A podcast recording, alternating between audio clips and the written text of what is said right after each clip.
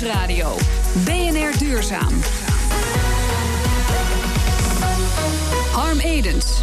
Zonne- en windenergie op land kost te veel plek. En de weerstand, daartegen neemt toe. Gelukkig hebben we heel veel oppervlaktewater, dachten ze bij IF Technology. Dick van der Kooi is adviseur energie en milieu bij Techniplan. En hij is het helemaal eens met IF Technology. Dat klopt, Dick, hè? Ja, uiteraard. Wat kunnen we precies doen met al dat water? Nou ja, je kan natuurlijk mooi in zwemmen, maar je kan er ook uh, heel veel energie uit winnen.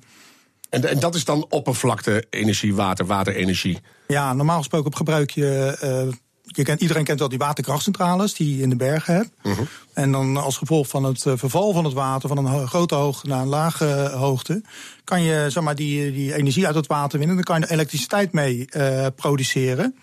Um, het mooie van Nederland is dat het een vlak land is. En dan hebben we eigenlijk helemaal geen verval. Dus we kunnen dat, die elektriciteit er niet uh, uithalen. Maar uh, omdat het uh, vrij vlak is, staat het water ook, stroomt het ook rustig naar zee. En -huh. hebben we alle tijd om daar ook heel veel warmte uit te kunnen winnen, uit, uit dat oppervlaktewater. En dat moet je uitleggen. Dus het, het, verschil in temperaturen tussen het koude water en het, en het water wat dichter bij de zon is, heb ik wel eens gelezen. Of andere soorten warmte kan je uit het water halen. Ja, dat klopt. Als je nou een diep meer hebt, dan uh, ontstaat er echt een temperatuurgelaagdheid in zo'n meer. Uh -huh. uh, dat betekent dat in de winter het, uh, het afgekoelde water naar de bodem van het meer zakt. En het wat warmere water eigenlijk zich boven in het meer verzamelt. Zodat je dus in een diep meer zowel de warmte als de koude kan winnen. Maar het kan ook met ondiepe meren en gewoon eigenlijk simpele grachten en kanalen. Ja, maar dat vroeg ik me af. Je hebt heel veel soorten oppervlaktewater. Uh, rivieren, meren, beken, het IJsselmeer, vennen, grachten, vijver in je tuin. Kan je dat allemaal gebruiken? Uh, vijver in de tuin is, uh, nou, daar vind je niet zo heel veel warmte uit. Maar in principe kan het wel, ja. Tenzij je heel groot woont. Tenzij je heel groot woont en in de buurt van uh, oppervlaktewater je woning hebt. En, en hoe win je dan die warmte of die kou? Uh, die warmte die, uh, die win je eigenlijk door het water uh, door een warmtewisselaar te leiden. Een warmtewisselaar is eigenlijk een, een apparaat waarin twee vloeistoffen, zonder dat ze met elkaar in contact komen, langs elkaar laat stromen. Zodat zeg maar, de warmte uit het, uit het meer, vaak is dat meer ook ja, troebel water, daar bevindt zich allerlei leven in. Dus dat wil je eigenlijk niet in je verwarmingssysteem hebben. Maar dat, dat kan je dus uh, door zo'n warmtewisselaar, kan je toch die warmte eruit halen zonder dat je echt het water in je woning krijgt. Ik hoor wel een carnaval zitten. Er zit een paling in mijn radiator, maar die heb je dan niet. Uh, nee. Dan, dan wissel je dat. Zou dat impliceren dat je dan, als je dat meer wil gebruiken, daar niet met zeilboten mee doorheen kan? Want dan gaat al dat water door elkaar, dus dan ben je die lagen kwijt. Nee, eigenlijk merk je daar in het meer eigenlijk uh, heel weinig van. Um, sterker nog, het heeft, kan wel eens ook positieve effecten hebben op dat meer. Want ja, wat je vaak hoort is dat er in meer botulisme voorkomt. Dat komt eigenlijk omdat de watertemperatuur te hoog wordt in de zomer. En uh, ja, daarom is het eigenlijk extra interessant.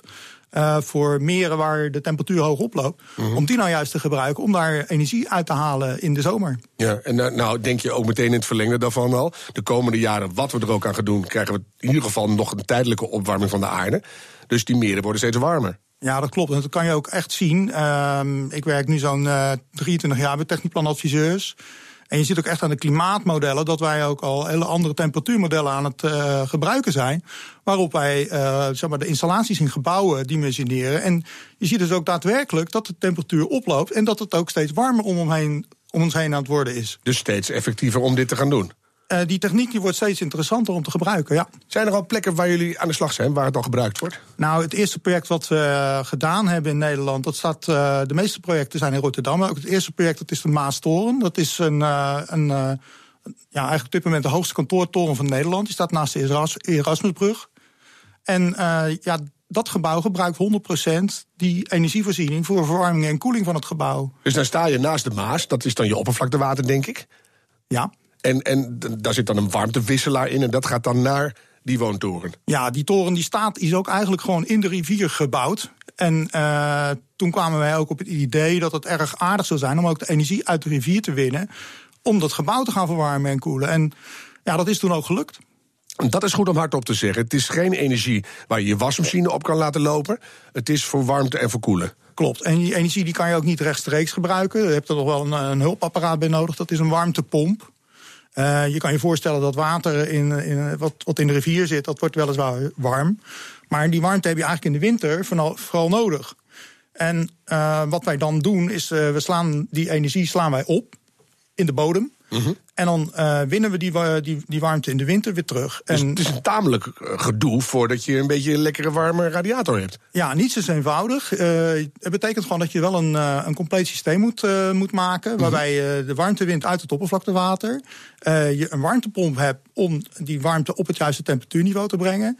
En je hebt eigenlijk een buffer nodig om het water in op te slaan wat je hebt gecreëerd. Ja. En als je dan even naar die, die, die woontoren gaat, hè, geloof ik 225 appartementen. Ik denk, laat ik even mijn huiswerk doen. Wat kost dat nou als je die helemaal wil verwarmen met die eh, oppervlaktewaterenergie?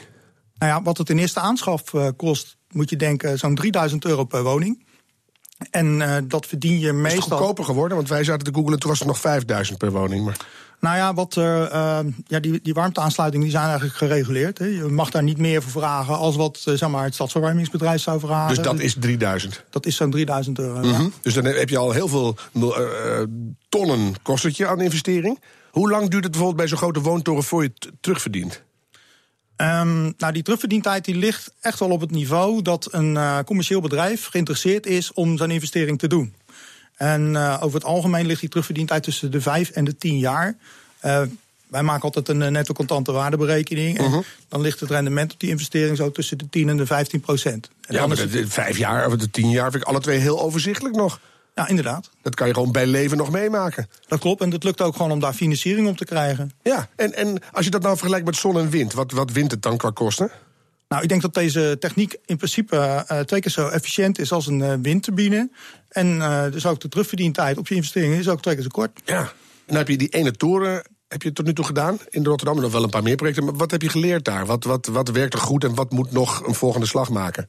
Nou ja, wat daar eh, een aandachtspunt was, toch ook de, ja, het aantal eh, start-stops van zo'n installatie. Om dat te beperken, hebben we de, besloten om de buffer iets groter te maken. En dat zijn we nu ook in de vervolgprojecten aan het doen. De start-stops. de start-stops van het apparaat. Dus eh, als een apparaat van zo'n grote flat eh, aangaat, dan wil je hem niet om de 10 minuten aan en uit hebben. Dus je wil eigenlijk een soort smooth systeem hebben. Ja. Wat ja, heel geleidelijk werkt. Ehm, ja, en eigenlijk alle andere punten eh, bleek eigenlijk ook wel. We hebben het ook gemonitord een aantal jaren lang. Samen met het energiebedrijf die eh, energieinstallatie exploiteert. En blijkt ook dat die installatie heel eh, goed rendeert en ook goed functioneert. En ook doet eigenlijk wat, hij er, wat, je er kan van, eh, wat we ervan verwachten eigenlijk. Je kijkt er een beetje bij alsof je verbaasd bent. Zo van, nou ja, we hebben wat in de Maas gesodemieterd en maar hopen dat het werkt. Maar het werkt dus. Nou ja, het is natuurlijk best wel spannend. Als je iets bedenkt en je hebt eigenlijk geen voorbeeld, is het natuurlijk best wel ja, spannend om dan te kijken van ja, wat gaat het doen. Ja. En het is ontzettend leuk als het dan ook echt werkt. En dat je de resultaten ook gewoon eh, haalt die je moet hebben. Zeker. Maar hoe heb je dat, omdat je nog best wel eh, met onzekere materie bezig was, hoe heb je dat gefinancierd gekregen? Het eerste Ehm, project. Nou ja, dat gebouw heeft natuurlijk sowieso, eh, als je dat systeem niet had gedaan, had je sowieso het gebouw moeten voorzien van een, een verwarmingssysteem of van een koelsysteem. En dit systeem vervangt beide. Maar zo'n groot gebouw, dat vind ik nogal hoog spel. Letterlijk en figuurlijk. Ja, het is ook een installatie die een, een paar miljoen euro kost. Ehm, maar ja, je verdient daar een, eh, een aantal tonnen per jaar mee eh, op de exploitatie. Omdat je natuurlijk veel minder elektriciteit nodig hebt. Ja. En eh, helemaal eigenlijk geen, eh, geen stadswarmte of gas meer nodig hebt voor het gebouw. Mhm. Nee, maar omdat je zei van, nou, dat doet precies wat we verwacht hadden. Als het slechter was uitgepakt, had je toch een flinke hoge zeepert bij de hand gehad. Maar Ja, ik denk ook niet dat onze klant eh, dan nog bij ons was teruggekomen. Nee. Ehm, ja, gelukkig is het tegendeel eh, is, is, is het daar. je zei het al, in de winter dan, eh, heb je het nodig, in de zomer sla je het op. Het is een heel, heel cyclisch systeem. Is het energiezeker? Is het altijd voorhanden of moet je in noodgevallen toch nog aan het gas? Zo'n opslagsysteem, dat is energiezeker. Dat kan ik ook wel zeggen, omdat het gebouw ook geen andere aansluitingen heeft als, als dit systeem. Dan moet je de jas aandoen binnen. Maar ja. Maar het hoeft niet. Dat hoeft dus helemaal niet. En ja, het- aardige is, het is ook nog een juridische maatschappij die in het pand zit. En dan hadden we echt al eerder een probleem gehad met eh, de mensen die in het gebouw zitten. Eh, gelukkig eigenlijk nooit eh, enkele klachten over gehad. Ik vind het ook wel leuk als je duurzaam wil zijn. Dan moet iemand moet beginnen. Hè. Dan maar een keer de jas aan, toch? Maar het hoeft niet. Gelukkig. Waarom doen we het zo weinig in Nederland? Want je zegt het hartstikke goed. We hebben heel veel oppervlaktewater aan de slag. Nou, ik denk dat het echt gewoon niet in de mindset van de mensen zit. Iedereen heeft eh, zo'n in de buurt wel water. En ik merk het ook binnen ons bureau. We hadden het er ook eh, zeg maar in de voorbereiding van dit item over. Ehm, ja, welke projecten hebben we nou eigenlijk gedaan eh, met, met, eh, met het oppervlaktewater? Nou, we hebben het eh, bekeken voor het Amsterdamse Centraal Station. Ehm, nou, daar bleek het heel erg lastig, omdat daar een hele drukke verkeersweg tussen het station zeg maar, en het eh, ei ligt. En die konden we niet kruisen.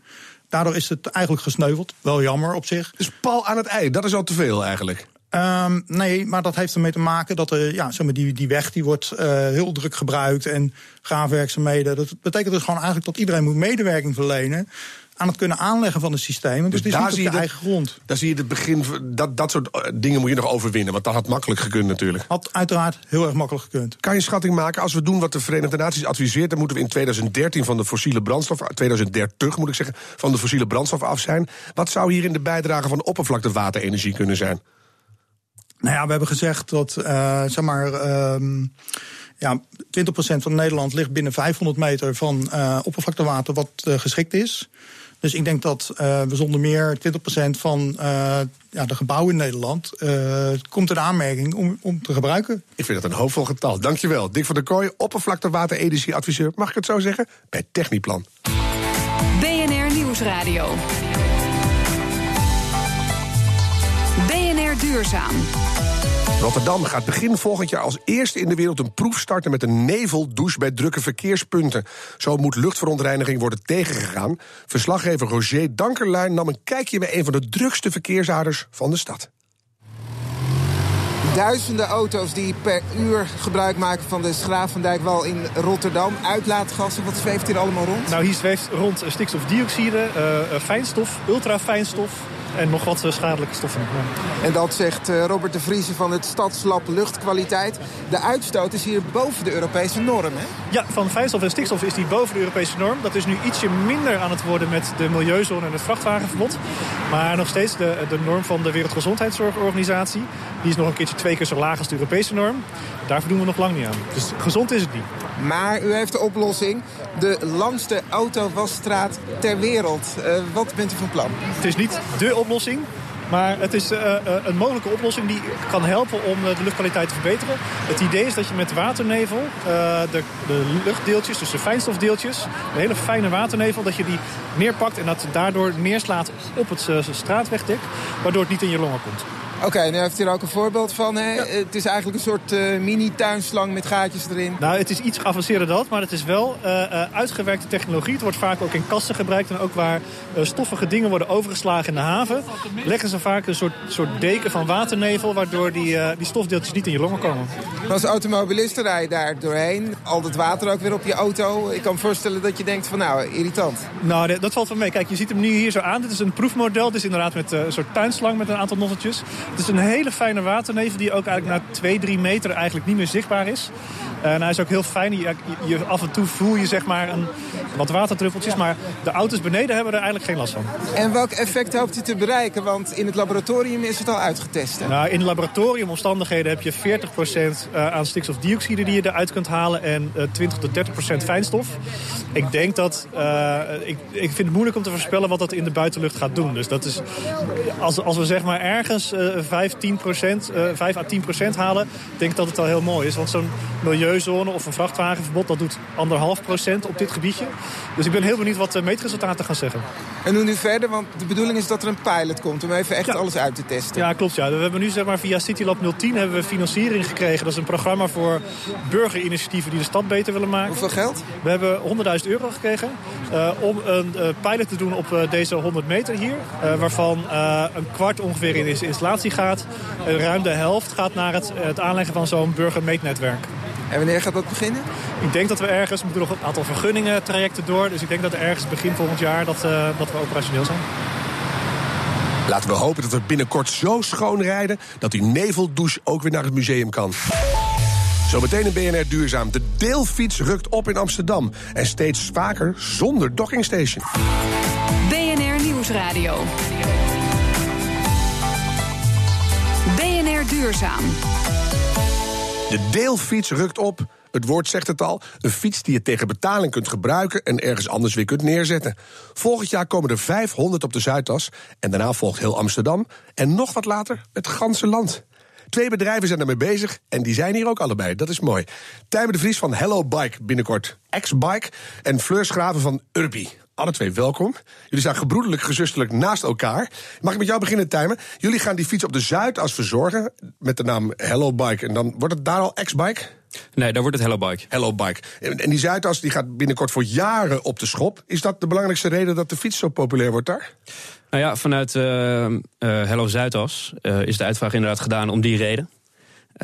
Daarom ook de naam uiteraard Hello Bike. Die hebben daar een, een tender voor uitgegeven. En ja, nou, veel zwoegen en zwikken hebben die uiteindelijk binnengehaald. Vind ik wel mooi. Na Hello Kitty, nu Hello alles gewoon. Hello Planet, Hello Future. Ja, het, het, het, geeft ook wel een, een, een, persoonlijk tintje aan de fiets. Dus ja, Hello Bike. Dat je, iedere keer als je hem ziet, dan ben je toch blij ja. dat je hem ziet. Exact. Ja, vind ik leuk. Er was, wat je net zei, een openbare aanbesteding. Waarom hebben jullie gewonnen? Ja, dat zou je eigenlijk aan Hello Zuidas moeten vragen. Um, waar we eigenlijk, uh, wat wij gedaan hebben, gekeken naar wat wij hadden. Als uh, systeem zijnde, uh, onze software, de hardware, al onze producenten bij elkaar. En daar hebben we eigenlijk het beste plan wat wij konden bedenken, hebben wij neergezet. Dus dat je geen docking station meer nodig hebt. We hebben een prijsstructuur neergezet van een eurotje per uur, wat gewoon een hele mooie instap bewerkstelligt. -huh. en we hebben een eigen fiets speciaal voor de Zuidas ontwikkeld. En ik denk dat al die facetten samen ervoor gezorgd hebben dat, uh, dat wij uiteindelijk uh, die tender hebben gewonnen. Zullen we even die, die elementjes bij langs gaan? Geen docking station kunnen jullie doen omdat je geen e-bikes hebt. Hè? Nee, het is een gewone fiets, dus je hoeft niet te worden opgeladen. Dus ja. dat, dat kan je dan doen. Nee, wij werken in principe met, uh, met smart locks. Die gaan via telefoon open. Dus je kan hem over, overal neerzetten waar je wil in principe. parkeerlocaties die kunnen wij via ja, GPS-coördinaten eigenlijk creëren waar we willen. Track and trace van de ja, bike? Track and trace van de bike. Dus je kan en daardoor... overal neerpleuren en jullie vinden hem weer?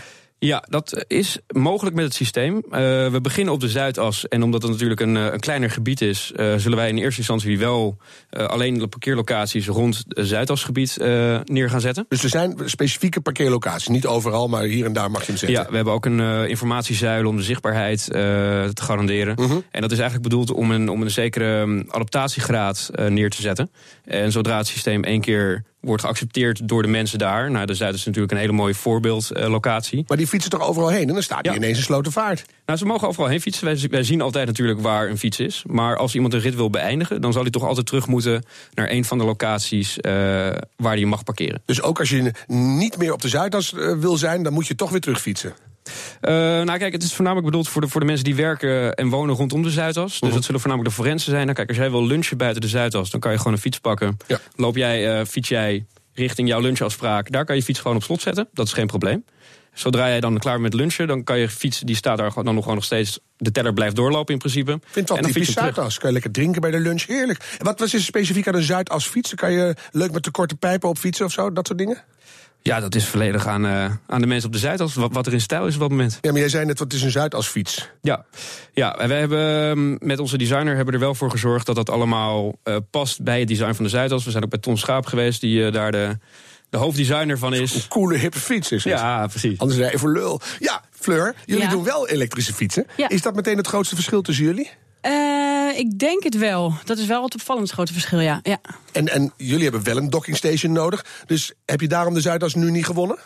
Uh, nou, dat, dat, kan ik niet beoordelen. Dat is wederom een Hello Zuidas. Maar wel uh, het feit, wij hebben, wij hebben wel docking stations, uh, de stations waar de fietsen staan. Mhm. -huh. En daar moet stroom zijn. Dus dat is wel een voorwaarde die onze locaties hebben. En dat, dat maakt het wellicht iets complexer dan wat Hello Bike doet. Nou ja, ik weet van Roger van Bokstel dat hij samen met alle bedrijven op de Zuidas... en samen met de fietsen en met everybody, misschien wel met Hello Bike ook bezig is... van hoe gaan we dat, die graafput omzeilen? Want je kan er niet meer terecht binnenkort. Had toch best wel een e-docking stationtje bij gekund? Nee, denk ik ook. En ik denk ook dat we ook daarin samen kunnen optrekken. En wij, uh, Urbi gaat elektrische fietsen plaatsen, niet alleen in de Zuidas, maar in heel Amsterdam. Zuidas ook, toch? ook de Zuidas. We hebben allocaties op de Zuidas. Ook al heb je die gewonnen, gewoon doorgaan? Ja, dat was al. We, we, waren al begonnen en we gaan ook gewoon door. En nou, ik denk ook dat het goed naast elkaar kan bestaan. Want ik denk dat voor korte ritten is de gewone fiets heel erg goed. In Nederland zijn uh, fietsers die willen tot 4, 5 kilometer op een gewone fiets fietsen. Uh -huh. Maar als je het hebt over ook de problematiek van de Zuidas en het oplossen daarvan. En je wil woon-werkverkeer verbinden. Nou, met de gewone fietsers die straal 4, 5 kilometer. Met elektrische fietsers die straal 20 kilometer. Dus je gaat gewoon een bredere doelgroep bedienen met fietsen. Dus jullie vullen elkaar eigenlijk aan, begrijp ik nu? Ik denk het wel. Kijk, ze verliefd naar elkaar staren. ja, wat leuk. Maar is er een prijsverschil? Want zij doen een eurotje per uurtje. Ja. Wat zijn jullie? Bij ons gaat het ook naar een euro per uur, maar wel met een abonnement. Dus of een zakelijk abonnement, of als een uh, in privégebruik voor abonnement voor 12,50 per maand. En dan 1 euro per uur, max tientje per dag. Ja, dat vind ik ook heel overzichtelijk. Dan kan je geen auto voor rijden, niet in de buurt gewoon. En zeker niet parkeren. Nee, dus, oh, dat is wel heel aantrekkelijk. Nou, uh, hebben jullie een tijdje geleden al 2 miljoen euro uit de markt gehaald, Fleur? Toen had ik je even aan de lijn ja. in dit programma. Hoe ver ben je nu? Hoeveel e-bikes staan er? Er komen, nou, de eerste e-bikes komen nu uh, eind van deze maand binnen. Er zijn er 150. Die worden in december geplaatst. Januari komen er weer 150. Die worden dan ook geplaatst. Nou ja, en zo gaat het volgend jaar door. Tot dus rol, het rolt maar door nu. Ja, het rolt maar door, ja. Ja, dat klinkt al heel serieus. En dan kijk ik even naar Tijmen. Jullie moeten waarschijnlijk ooit wel een keer die stap naar e-bikes maken ook. Ben je daar al mee bezig in je hoofd? Zeker. We hebben, we hebben zelfs, uh, de fiets is al ontwikkeld. En wat, we nu, wat ons plan is, omdat een e-bike op zichzelf staande, zoals je al zei, de dockingstations. Dus in onze optiek, wij willen nooit dat jij hem terug moet brengen waar je hem vandaan hebt gehaald. Dus ons plan is eigenlijk om verschillende hubs, uh, noem Schiphol, noem uh, rond de arena, zodra daar ook uh, de Hello Bikes staan, om die te verbinden via e-bikes. En op die manier eigenlijk dat soort hubs met elkaar te verbinden, waardoor de e-bike daadwerkelijk tot zijn recht komt. Weet je, het Veluwe Witte Fietsenplan, je hebt grote conglomeraten waar je hem neer kan zetten en dan komt het eigenlijk automatisch wel goed. Ja. Maar 2 miljoen euro door Fleuro uit de markt gehaald, ze, ze lopen voor op jullie. Hoe ga je dat ooit nog inhalen? Hoe ga je dat inhalen? Nou ja, kijk, 2 miljoen euro uh, besteden is niet zo moeilijk. Nee, dat lukt mij ja, vrij snel, dat, kan dat, gaat redelijk snel inderdaad. Nee, wij... Um, maar je snapt wat ik bedoel, toch? Ja. Zij, zij zijn daar al flink mee uh, een end mee op dreef. Nou ja, op dit moment hebben wij een, een, een, hele goede groep investeerders achter ons staan... die uh, inderdaad, dit is onze test, de, de Zuidas. Is dat succesvol, dan uh, verwachten wij dat geld uit de markt halen... voor dit, om dit verder uit te rollen naar Amsterdam en de rest van de, de wereld in principe. Geen probleem. Zoals nee. Zometeen de rest van Nederland. Uh, wie van jullie fietst het hardst in welke richting en met welk tandje op het achterwiel? Nou, de elektrische fiets rijdt denk ik wat harder. nee, ik rijd er zelf veel op. Uh, die fietsen zijn tot 25 km per uur ondersteund. Uh, als Nederlander fiets je graag, en ik ben gewend ook, merk ik dat je graag bijtrapt. Dus je fietst gemiddeld 28 kilometer buiten de stad. In de stad merk je dat je gewoon heel goed aanpast aan de verkeersstromen die er zijn. Ja. Uh, maar de, ja, de fiets heeft een, een motor en acht standen op die motor. En, en wanneer is, als ik jullie alle twee aankijk, gewoon een jaartal, wanneer is heel Nederland aan de, aan de deelfiets? Timer? Een jaartal? Nou ja, ik verwacht binnen nu en twee jaar. Twee jaar. Ik denk ook in 2018. Voordat, je hebt ook best wel gemeente en overheid nodig voordat die meegaan. Dit zijn commerciële initiatieven. Vorige week bij uh, een deelfiets uh, in, in, Antwerpen geweest. Om te zien wat daar gebeurt. Daar is het gewoon zwaar verlieslatend. En de overheid betaalt het daar. In Nederland is dat nog niet aan de orde. En over twee jaar doen we het allemaal. Ik ga jullie bedanken. Tijmen de Vries van X-Bike en Fleurs Graven van Urbi. De minuut van de waarheid. Trumps plannen zijn slecht voor moeder aarde, is overal te lezen na zijn verkiezingswinst. Maar is dat ook zo? Hoe bang moeten we zijn voor Donald Trump? Karin Baks ging het checken. China is eating our lunch because they don't they don't partake in all of the rules and regulations that we do. They're buying our coal. We're not using our coal. They're buying our coal and they're using it. Tja, die hele klimaatverandering is maar een Chinees verzinsel om de Amerikaanse industrie te boycotten. Aldus kandidaat Trump. Maar is zijn verkiezingsoverwinning ook de nekslag voor onze planeet? Het is natuurlijk zo dat uh, we eerst nog moeten zien wat hij daadwerkelijk realiseert. Zegt Alfred Kleinknecht, emeritus hoogleraar economie en onze factchecker deze week. We krijgen een interessant politiek spel te zien volgens hem. De Een meerderheid, in beide parlementen, maar ze zijn onderling diep verdeeld. Dus als de uh, Democraten een beetje slim oppositie voeren, dan kan het wel eens zo zijn dat ze dat heel makkelijk aan elkaar kunnen spelen. Trump heeft gezegd zich te willen terugtrekken uit het klimaatverdrag van Parijs en alle klimaatplannen van Obama ongedaan te maken. Er wordt ook weer straks geboord in kwetsbare natuurgebieden. Er wordt zeker die Keystone Pipeline gebouwd. Er worden allerlei dingen gedaan die erg milieuonvriendelijk zijn. En dan de energievoorziening in Amerika. I want to get away from the Middle East. I want to get away from the monopoly that they once had and they still have to a certain extent. I want to be able to be self-sufficient for the country. Trump wil fossiele energie stimuleren om de VS energie onafhankelijk te maken. Hij wil de war on coal en de war on miners stoppen en de schaliegasrevolutie zou grote welvaart brengen voor Amerika. Ik denk dat hij niet uh, ziet welk risico hij loopt, namelijk een soort varkenscyclus te ontketenen, dat heel veel mensen nu investeren en dat het markt helemaal wel overstroomd wordt met goedkope energie en dan maakt achteraf iedereen verlies. Dat is een groot risico. Dat is in het verleden ook zo geweest. Door schaliegas is de olieprijs, gasprijs, olieprijzen, energie überhaupt is goedkoop geworden. En uh, is nog maar de vraag of ondernemers nou staan te springen om hem daar tegemoet te komen en weer massief te investeren in, in oude energie. Aldus Kleinknecht. En waar blijven wind- en zonne-energie in dit verhaal? Die krijgen het moeilijk door de opkomst van goedkoop schaliegas. Maar ook schiet Amerika zich behoorlijk in de knie met deze plannen, denkt onze factchecker.